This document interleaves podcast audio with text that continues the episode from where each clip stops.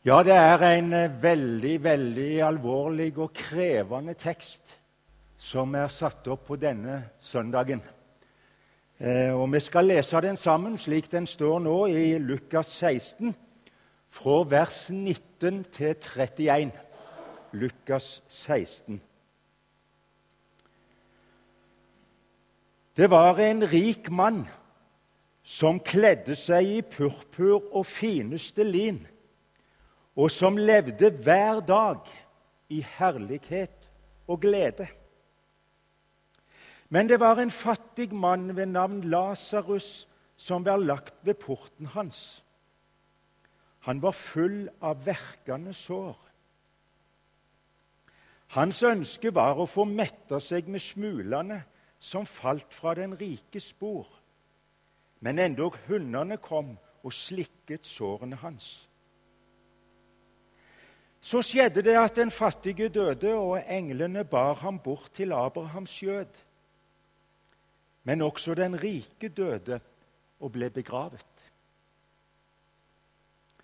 Og da han slo sine øyne opp i dødsriket, der han var i pine, da ser han Abraham langt borte og Lasarus i hans skjød. Da ropte han og sa, 'Far Abraham', Forbarm deg over meg, og send Lasarus, så han kan dyppe fingertuppen sin i vann og svale min tunge. For jeg lider svært. Jeg lider svær pine i denne ilden.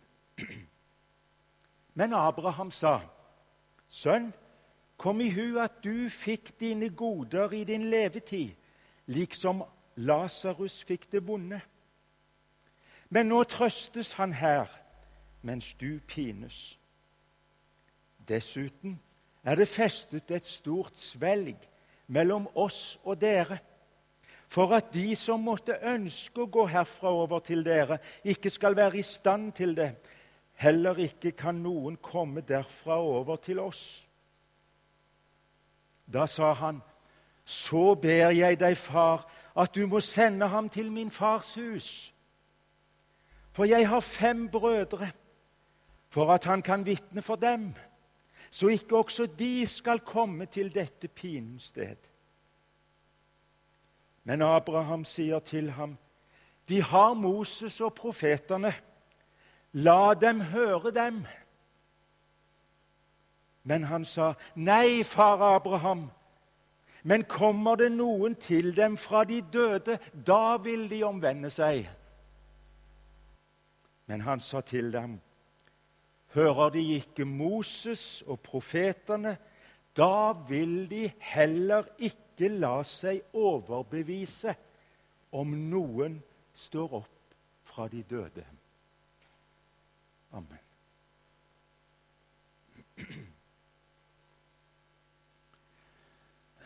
Det er noen som lærer at fortapelsen ikke finnes. Og hvis den mot formodning skulle finnes, så er i hvert fall Guds kjærlighet så absolutt at han aldri vil finne på å sende noen i fortapelsen. Og med det slår folkemassene seg til ro. Du, slik lærer ikke Bibelen, og heller ikke Jesus. Jesus er krystallklar på at både himmelen og fortapelsen er virkelige steder. Det er faktisk de to eneste mulige utgangene på livet. Enten går du fortapt, eller så er du et Guds barn og går inn til det evige liv i Guds evige himmel. Det er Bibelens veivalg. Og hvor vi tilbringer evigheten, det forteller denne teksten oss. Det avgjør du her i tida. Det avgjøres her i tiden. Den som tror på Jesus, blir ikke dømt, står det i Johannes evangeliet kapittel 3, vers 18. Den som ikke tror, er allerede dømt. Hvorfor det?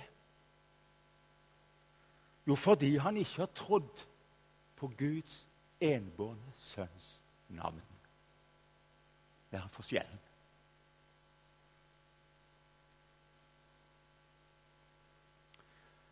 Og de fleste mennesker som har vært i en eller annen berøring med det religiøse liv, de definerer seg sjøl på vei til himmelen. Tror jo på en eller annen form for Gud. Og iallfall en kjærlig Gud, altså. Og Derfor tenker de om seg sjøl 'Jeg er på vei til himmelen'. Ingen fare.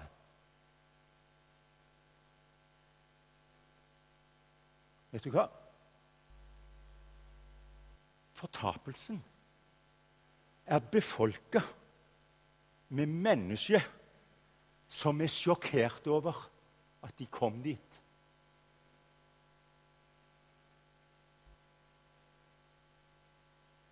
Hørte du det? Fortapelsen er faktisk befolka av mennesker som er sjokkert over at de havna der. Og det er det denne teksten helt klart forteller oss.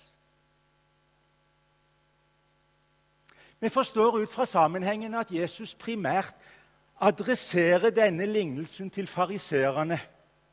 Det vil si til de religiøse, pengekjære lederne for folket. Du kan slå tilbake i vers 14 og 15, så forstår du det. Disse fariserene hadde erklært sin lojalitet til Skriftene. Og det var for dem Moses og profetene. Og det var de som håndheva Guds ord for folket. Det var de som underviste og lærte folket i Moses og profetene.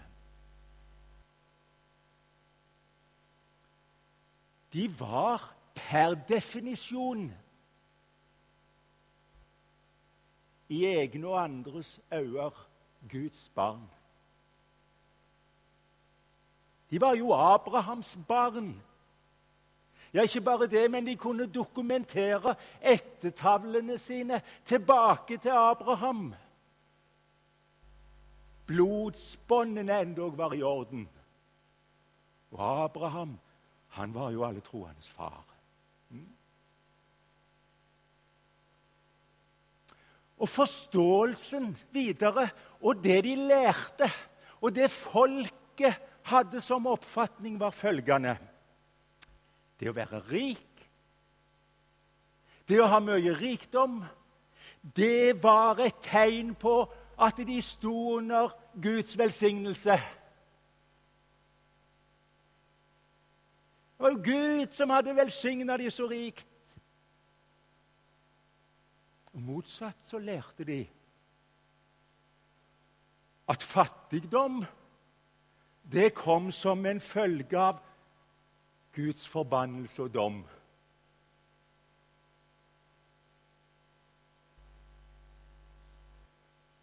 Og Derfor er Jesus sin konklusjon i denne lignelsen så sjokkerende for de som hører på han. For her er det den fattige som arver Guds rike, og den rike som går fortapt. Stikk i strid med alt det de hadde lært og hørt av fariseerne og de skriftlærde. Og Derfor er det kontrastenes lignelse vi her møter. For motsetningene kunne knapt vært større. Den rike mannens velstand beskrives ved måten han kledde seg på. Han var kledd i purpur og fineste lin.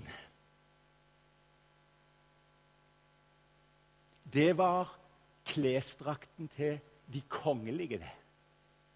Det var bare de som hadde råd til dette. Og uttrykkene som brukes, er altså Det er det helt ekstreme, flotteste importvarene som du kunne tenke deg var tilgjengelige.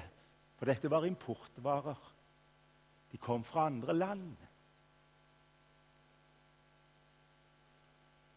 Og han levde, står der, hver dag i herlighet og glede. Hver dag. Det var ingen forskjell på søndag og mandag hos han her karen. Hver dag. En ekstravagant livsførsel. Han demonstrerer med hele sin livsførsel at han er meget rik, elsker og dyrker seg sjøl. Vet ikke hvor han har skaffet seg rikdommen fra, står det ingenting om. Og han overså totalt denne tiggeren, som ble lagt ved hans port. Og det uttrykket for port det er ikke en vanlig sånn grind inn til et, eh, et vanlig hus på Jæren. Det er en skikkelig portal som beskrives inn til det mest ekstremt flotte, en paradegate opp til huset. Der ut forbi lå denne fattige tiggeren. Da står han ble lagt der. Han ble lagt der. Og uttrykkene som brukes om denne, det er så fattig at han faktisk ikke har noen ting. Ser du kontrasten? Fra det mest ekstreme riket til det å ikke ha nåla i veggen, som vi sier. Han var ytterst fattig og ussel. Han ble lagt der. Det betyr at det var noen da som hadde såpass barmhjertighet med han at de la han ut forbi porten til denne rike mannen. Han må ha hatt et, en eller annen form for fysisk handikap som gjorde han ikke var i stand til å gå sjøl. Og han var full av verkende sår, og hundene kom og slikte sårene hans for om mulig det kunne være en liten lindring i smerten. Og Det han hadde håp om, det var om han kunne få noen smuler fra denne rikmannens spor, fra avfallet fra denne rike. Det som ble kasta ut utenfor porten, så han kunne få lite grann å mette seg med. Du, Hver dag hadde denne rike mannen anledning til å vise han godhet. Ikke sant? Og det påla Moseloven i.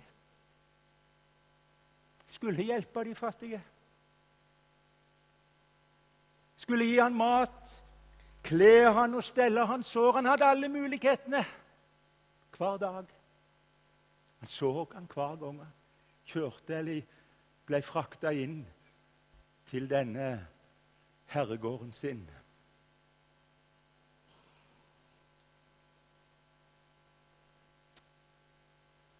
Forresten en trenger visst ikke bli meget rik for å oppføre seg lik denne rike mannen.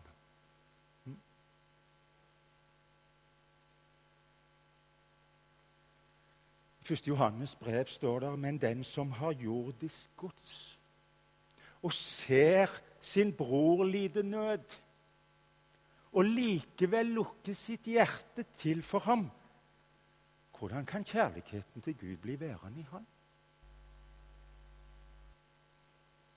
Mine barn, la oss ikke elske med ord eller med tunge, men i gjerning og sannhet. Men du var kontrasten i livet stor.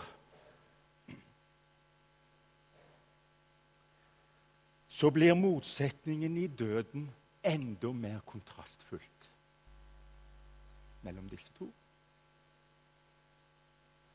For det står 'begge døde'. Begge døde.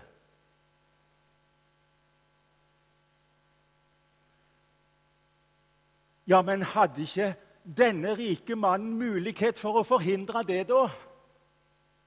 Med all sin rikdom?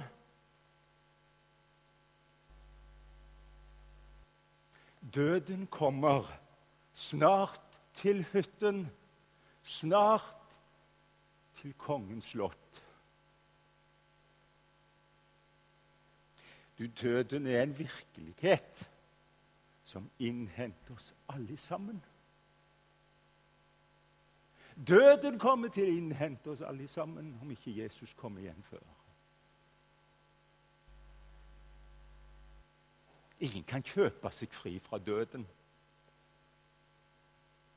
Ingen lege eller medikament kan fri oss fra dødens realitet.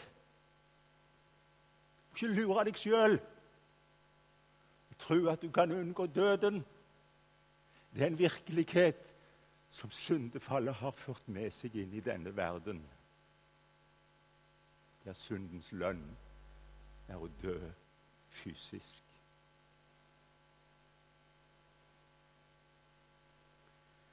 Og når Gud kutter livstråden, så er det slutt. Faktisk er det det. Og ingen står der kan med all sin bekymring legge så mye som en alen til sin livslengde. Ikke et sekund når Gud kutter tråden. Slutt. Og det ble slutt for begge disse to. Og Menneskelig sett ser det ut til at Lasarus sin død gikk upåakta hen. Om han ble begravd, vet vi ikke. Men det var iallfall ikke noe gravfølge, tror jeg. Men det avgjørende er ikke hva de gjør med den døde kroppen. Men vi leser at englene kom og bar Lasarus sin sjel til Abrahams skjøt. Du må ha med en liten fotnote. Jeg kommer ikke til å preke kort i dag, for dette er en svær og lang tekst. Men jeg skal prøve å begrense meg. Men en liten fotnote. Det er bare Lasarus som har navn i lignelsen. La du merke til det? Bare Lasarus har navn. Ja, personene i Jesus' sin lignelser har faktisk sjelden navn. Bare les, skal du se. Men her, i denne lignelsen, har Lasarus navn. Vet du hva det betyr? Det betyr 'Gud har hjulpet', betyr navnet hans. Gud har hjulpet. For evig blei nå hans navns betydning sant.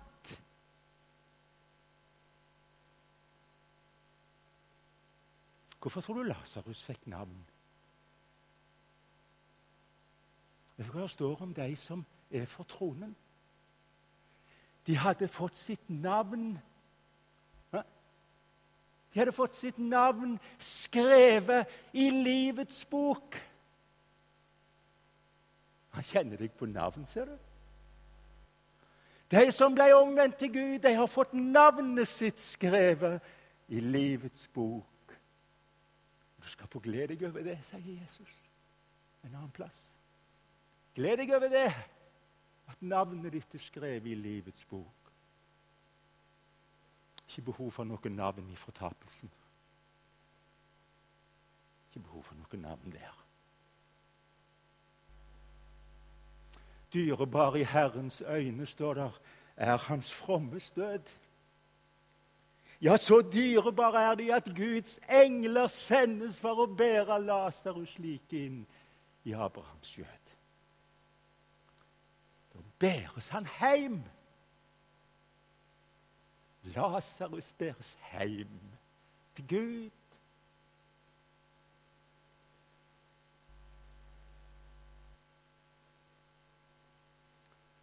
Lasarus ble ikke frelst eller nådde himmelen fordi han var fattig. Nei. Ingen kommer til himmelen om de er ekstremt fattige. Eller fattige i det hele tatt.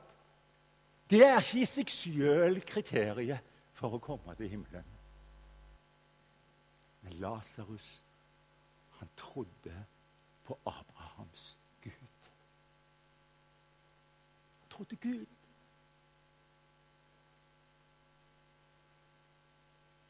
Og så står det men også den rike døde og ble begravet. Og begravelsesseremonien hans sto helt sikkert i stil med mannens rikdom og status. De kunne det på den tida òg. Og han slår sine øyne. Med sjokk og vantro er han i dødsriket. Han hadde aldri forventa å ende opp der. Og så gir Jesus oss i denne beskrivelsen Vi får en fysisk beskrivelse av fortapelsens lidelse og gru som ikke trenger males ut for noen. Det er Guds rettferdige dom som rammer alle de som forkaster Jesus. Og Jesus advarte sine og sa men til dere, mine venner, sier jeg, frykt ikke for dem som slår legemet i hæl, og deretter ikke kan gjøre mer. Jeg skal vise dere hvem dere skal frykte. Frykt for ham som har makt til å slå i hæl og deretter kaste i helvete. Ja, jeg sier dere, ham skal dere frykte. Jeg lider svær pine i denne ilden, sier han. Bibelens samlende beskrivelse av fortapelsen indikerer den verst tenkelige og fortvilte tilstand et menneske kan havne i. Og verst av alt, vet du hva det er? Det er ingen utgang derfra. Det er ingen utgang.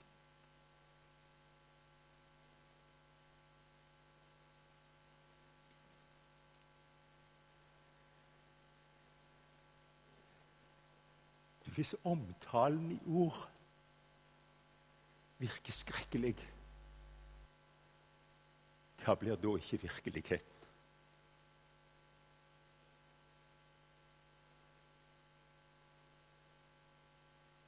Og I denne sin fortvilelse så ser den rike mannen Lasarus i Abrahams skjøt.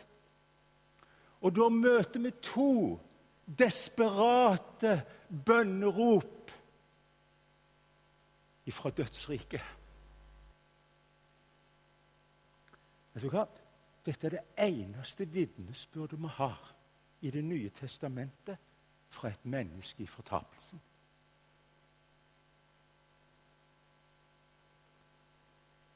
Da ropte han og sa, 'Far Abraham' Han kaller faktisk Abraham sin far. 'Far Abraham, forbarm deg over meg, og send Lasarus, så han kan dyppe fingertuppen sin i vann og svale min tunge, for jeg lider svær pine i den ilden.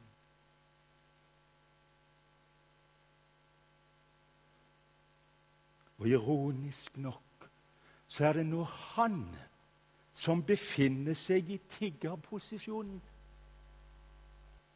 og ber om hjelp, som han sjøl hver dag fullstendig overså i sitt jordeliv. Men det er jo ikke så mye han ber om, er det det? Det er ikke veldig mye han ber om. Ikke et glass vann. Men bare, bare han kan dyppe fingeren sin i vann og legge den på tunga mi. Aner du hva dette er for noe? Bare en liten dråpe vann.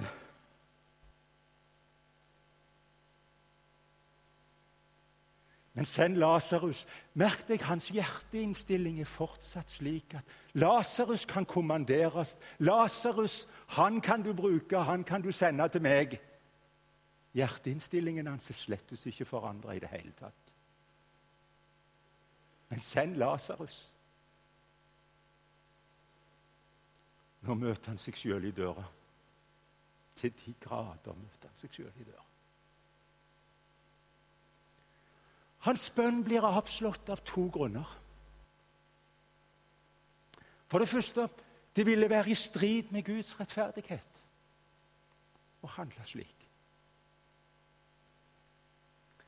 Sønn, kom i hu at du fikk dine goder i din levetid, liksom Lasarus fikk det vonde, men nå trøstes hans her mens du pines.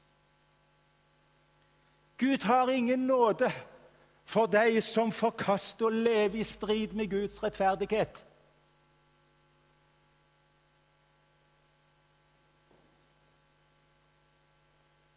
Den rike mann har ingen unnskyldning han kan ikke påberope seg at Gud er urettferdig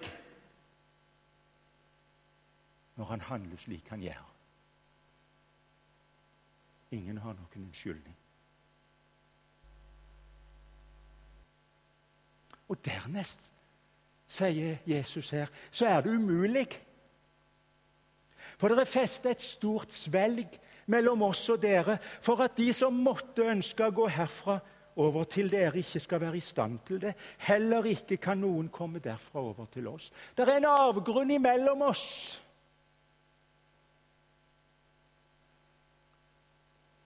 De hadde levd med en port mellom seg. Nå er de atskilt for evig med et svelg imellom. Det er noen som liker å tenke det at det går an å bli frelst og hente noen etter døden. Et svelg. Det er uoverstigelig.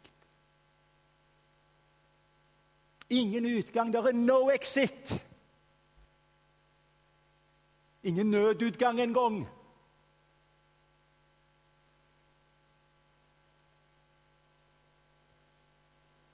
for evig umulig bli frelst.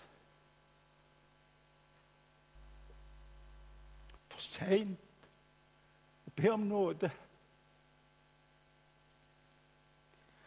Å, hvor det skulle drive oss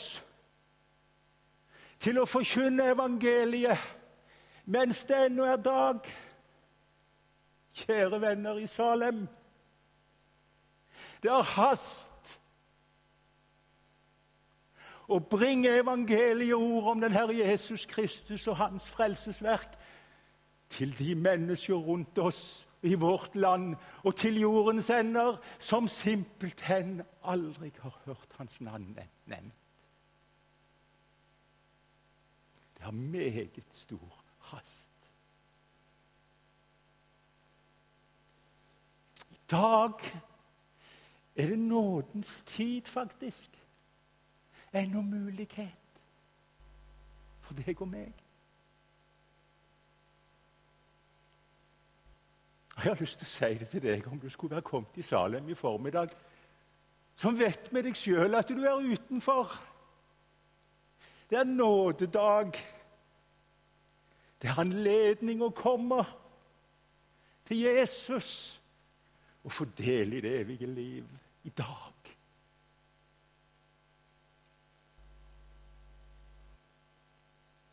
Men det høres et rop til fra fortapelsen. Og det er et skikkelig sårt rop.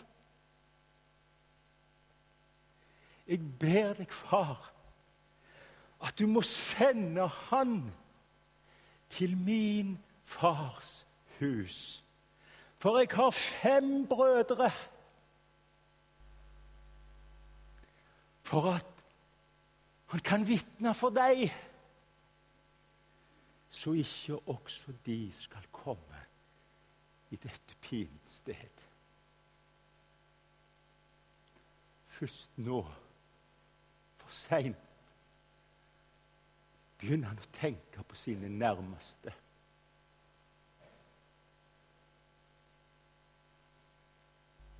De må ikke oppleve det samme forferdelige som jeg har havna i. Send et vitne. Send Lasarus. Send han og la de, han fortelle hva som har skjedd med meg. Til alle mine. Hans bønn virker både fornuftig, og den virker ekte. Men heller ikke dette bønneropet blir etterkommet. Abraham sier til ham De har Moses og profetene. La de høre deg! Det er helt unødvendig å sende noen. Dine brødre har alt det de trenger i sin nærhet for å bli frelst. De har Ordet fra Guds munn, gitt ved Moses og profetene. Hvis de vil tro det Bibelen forkynner og lærer, så kan de bli frelst. De har Moses og profetene. Det er unødvendig med noe annet. Hm. Hvordan blir et menneske frelst? Jo, det står faktisk det at Paulus skriver i Korinterbrevet. Gud fant det for godt å frelse de som tror. På hvilken måte? Ved forkynnelsens dårskap. Ved at Guds ord ble forkynt, så kan et menneske bli frelst. Der Guds ord er til stede, der evangeliet er, der er muligheten for å bli frelst til stede. De har Moses og profeten. De kjente jo alle forbildene fra Det gamle testamentet om offerlam og offerdyret. De hadde jo gått i synagogen, og alt sammen. de visste det alt sammen. De har det, men de har forkasta det. Det er tragedien. Det er tragedien også i vårt land. Folk forkaster evangeliet.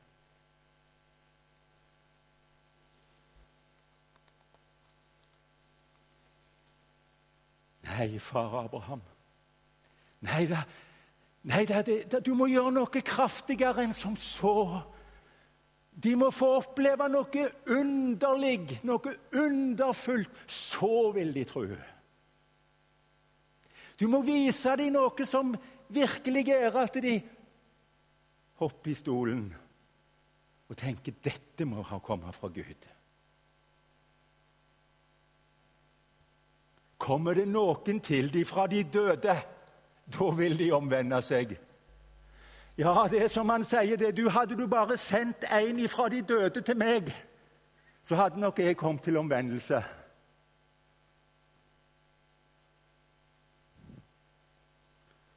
På seg sjøl kjenner man andre. He? Det er ikke nok bare med ordet. Å sende Lasarus. De vet han er død. Og da vil de helt sikkert tro, hvis han står opp fra de døde.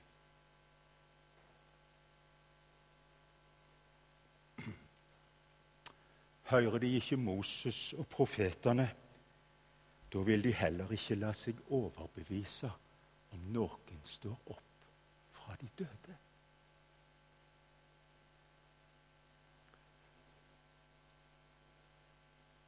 Stemmer det? Stemmer det helt på en prikk? Jesus gjorde det underet med navnebror til denne Lasarus. Lasarus' bror til Martha og Maria. Du husker den beretningen? Jesus kom og vekte og ropte Lasarus ut av grava. Han hadde ligget i grava i fire dager og stinket allerede, står det her. Og Jesus ropte han ut av grava. Da ble det vel veldig tilstrømning og tiltro til Jesus i Betania omegn. Da kom de vel til tro i hopetall. Da vendte de vel om. Da aksepterte de vel Jesus og tok han til sitt hjerte. Var det slik det skjedde? Vet du hva det står? Fra den dagen la de religiøse lederne planer om å drepe Jesus. Og I kapittelet etter så står det at de prøvde også å kvitte seg med Lasarus. Han var et, en hinder for dem. Slik reagerte de på de dødes oppstandelse. Det er ikke noen tilslutning til Jesus.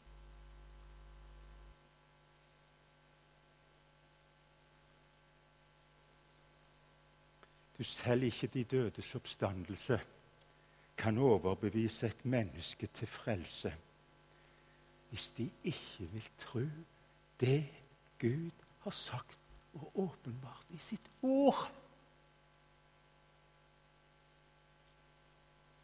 Bibelen er nok til frelse. Om du bare vil tro det og det Bibelen forkynner om Jesu Kristi kors, om hans død for syndere, om hans oppstandelse til evig rettferdighet for hver den som tror. Tror du ordet? Tror du ordet? Sannelig, sannelig, sier jeg dere, den som hører mitt ord, sa Jesus, og tror Han som har sendt meg Hva står det om han? Han har evig liv. Har det her og nå. Han har evig liv. Og det står mer om han. Det står, han kommer ikke til dom,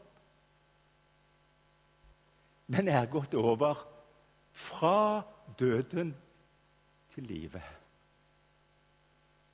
Salig er den som hører og tror. Kjære Jesus. Nå ber vi for oss som er sammen her i salen i formiddag.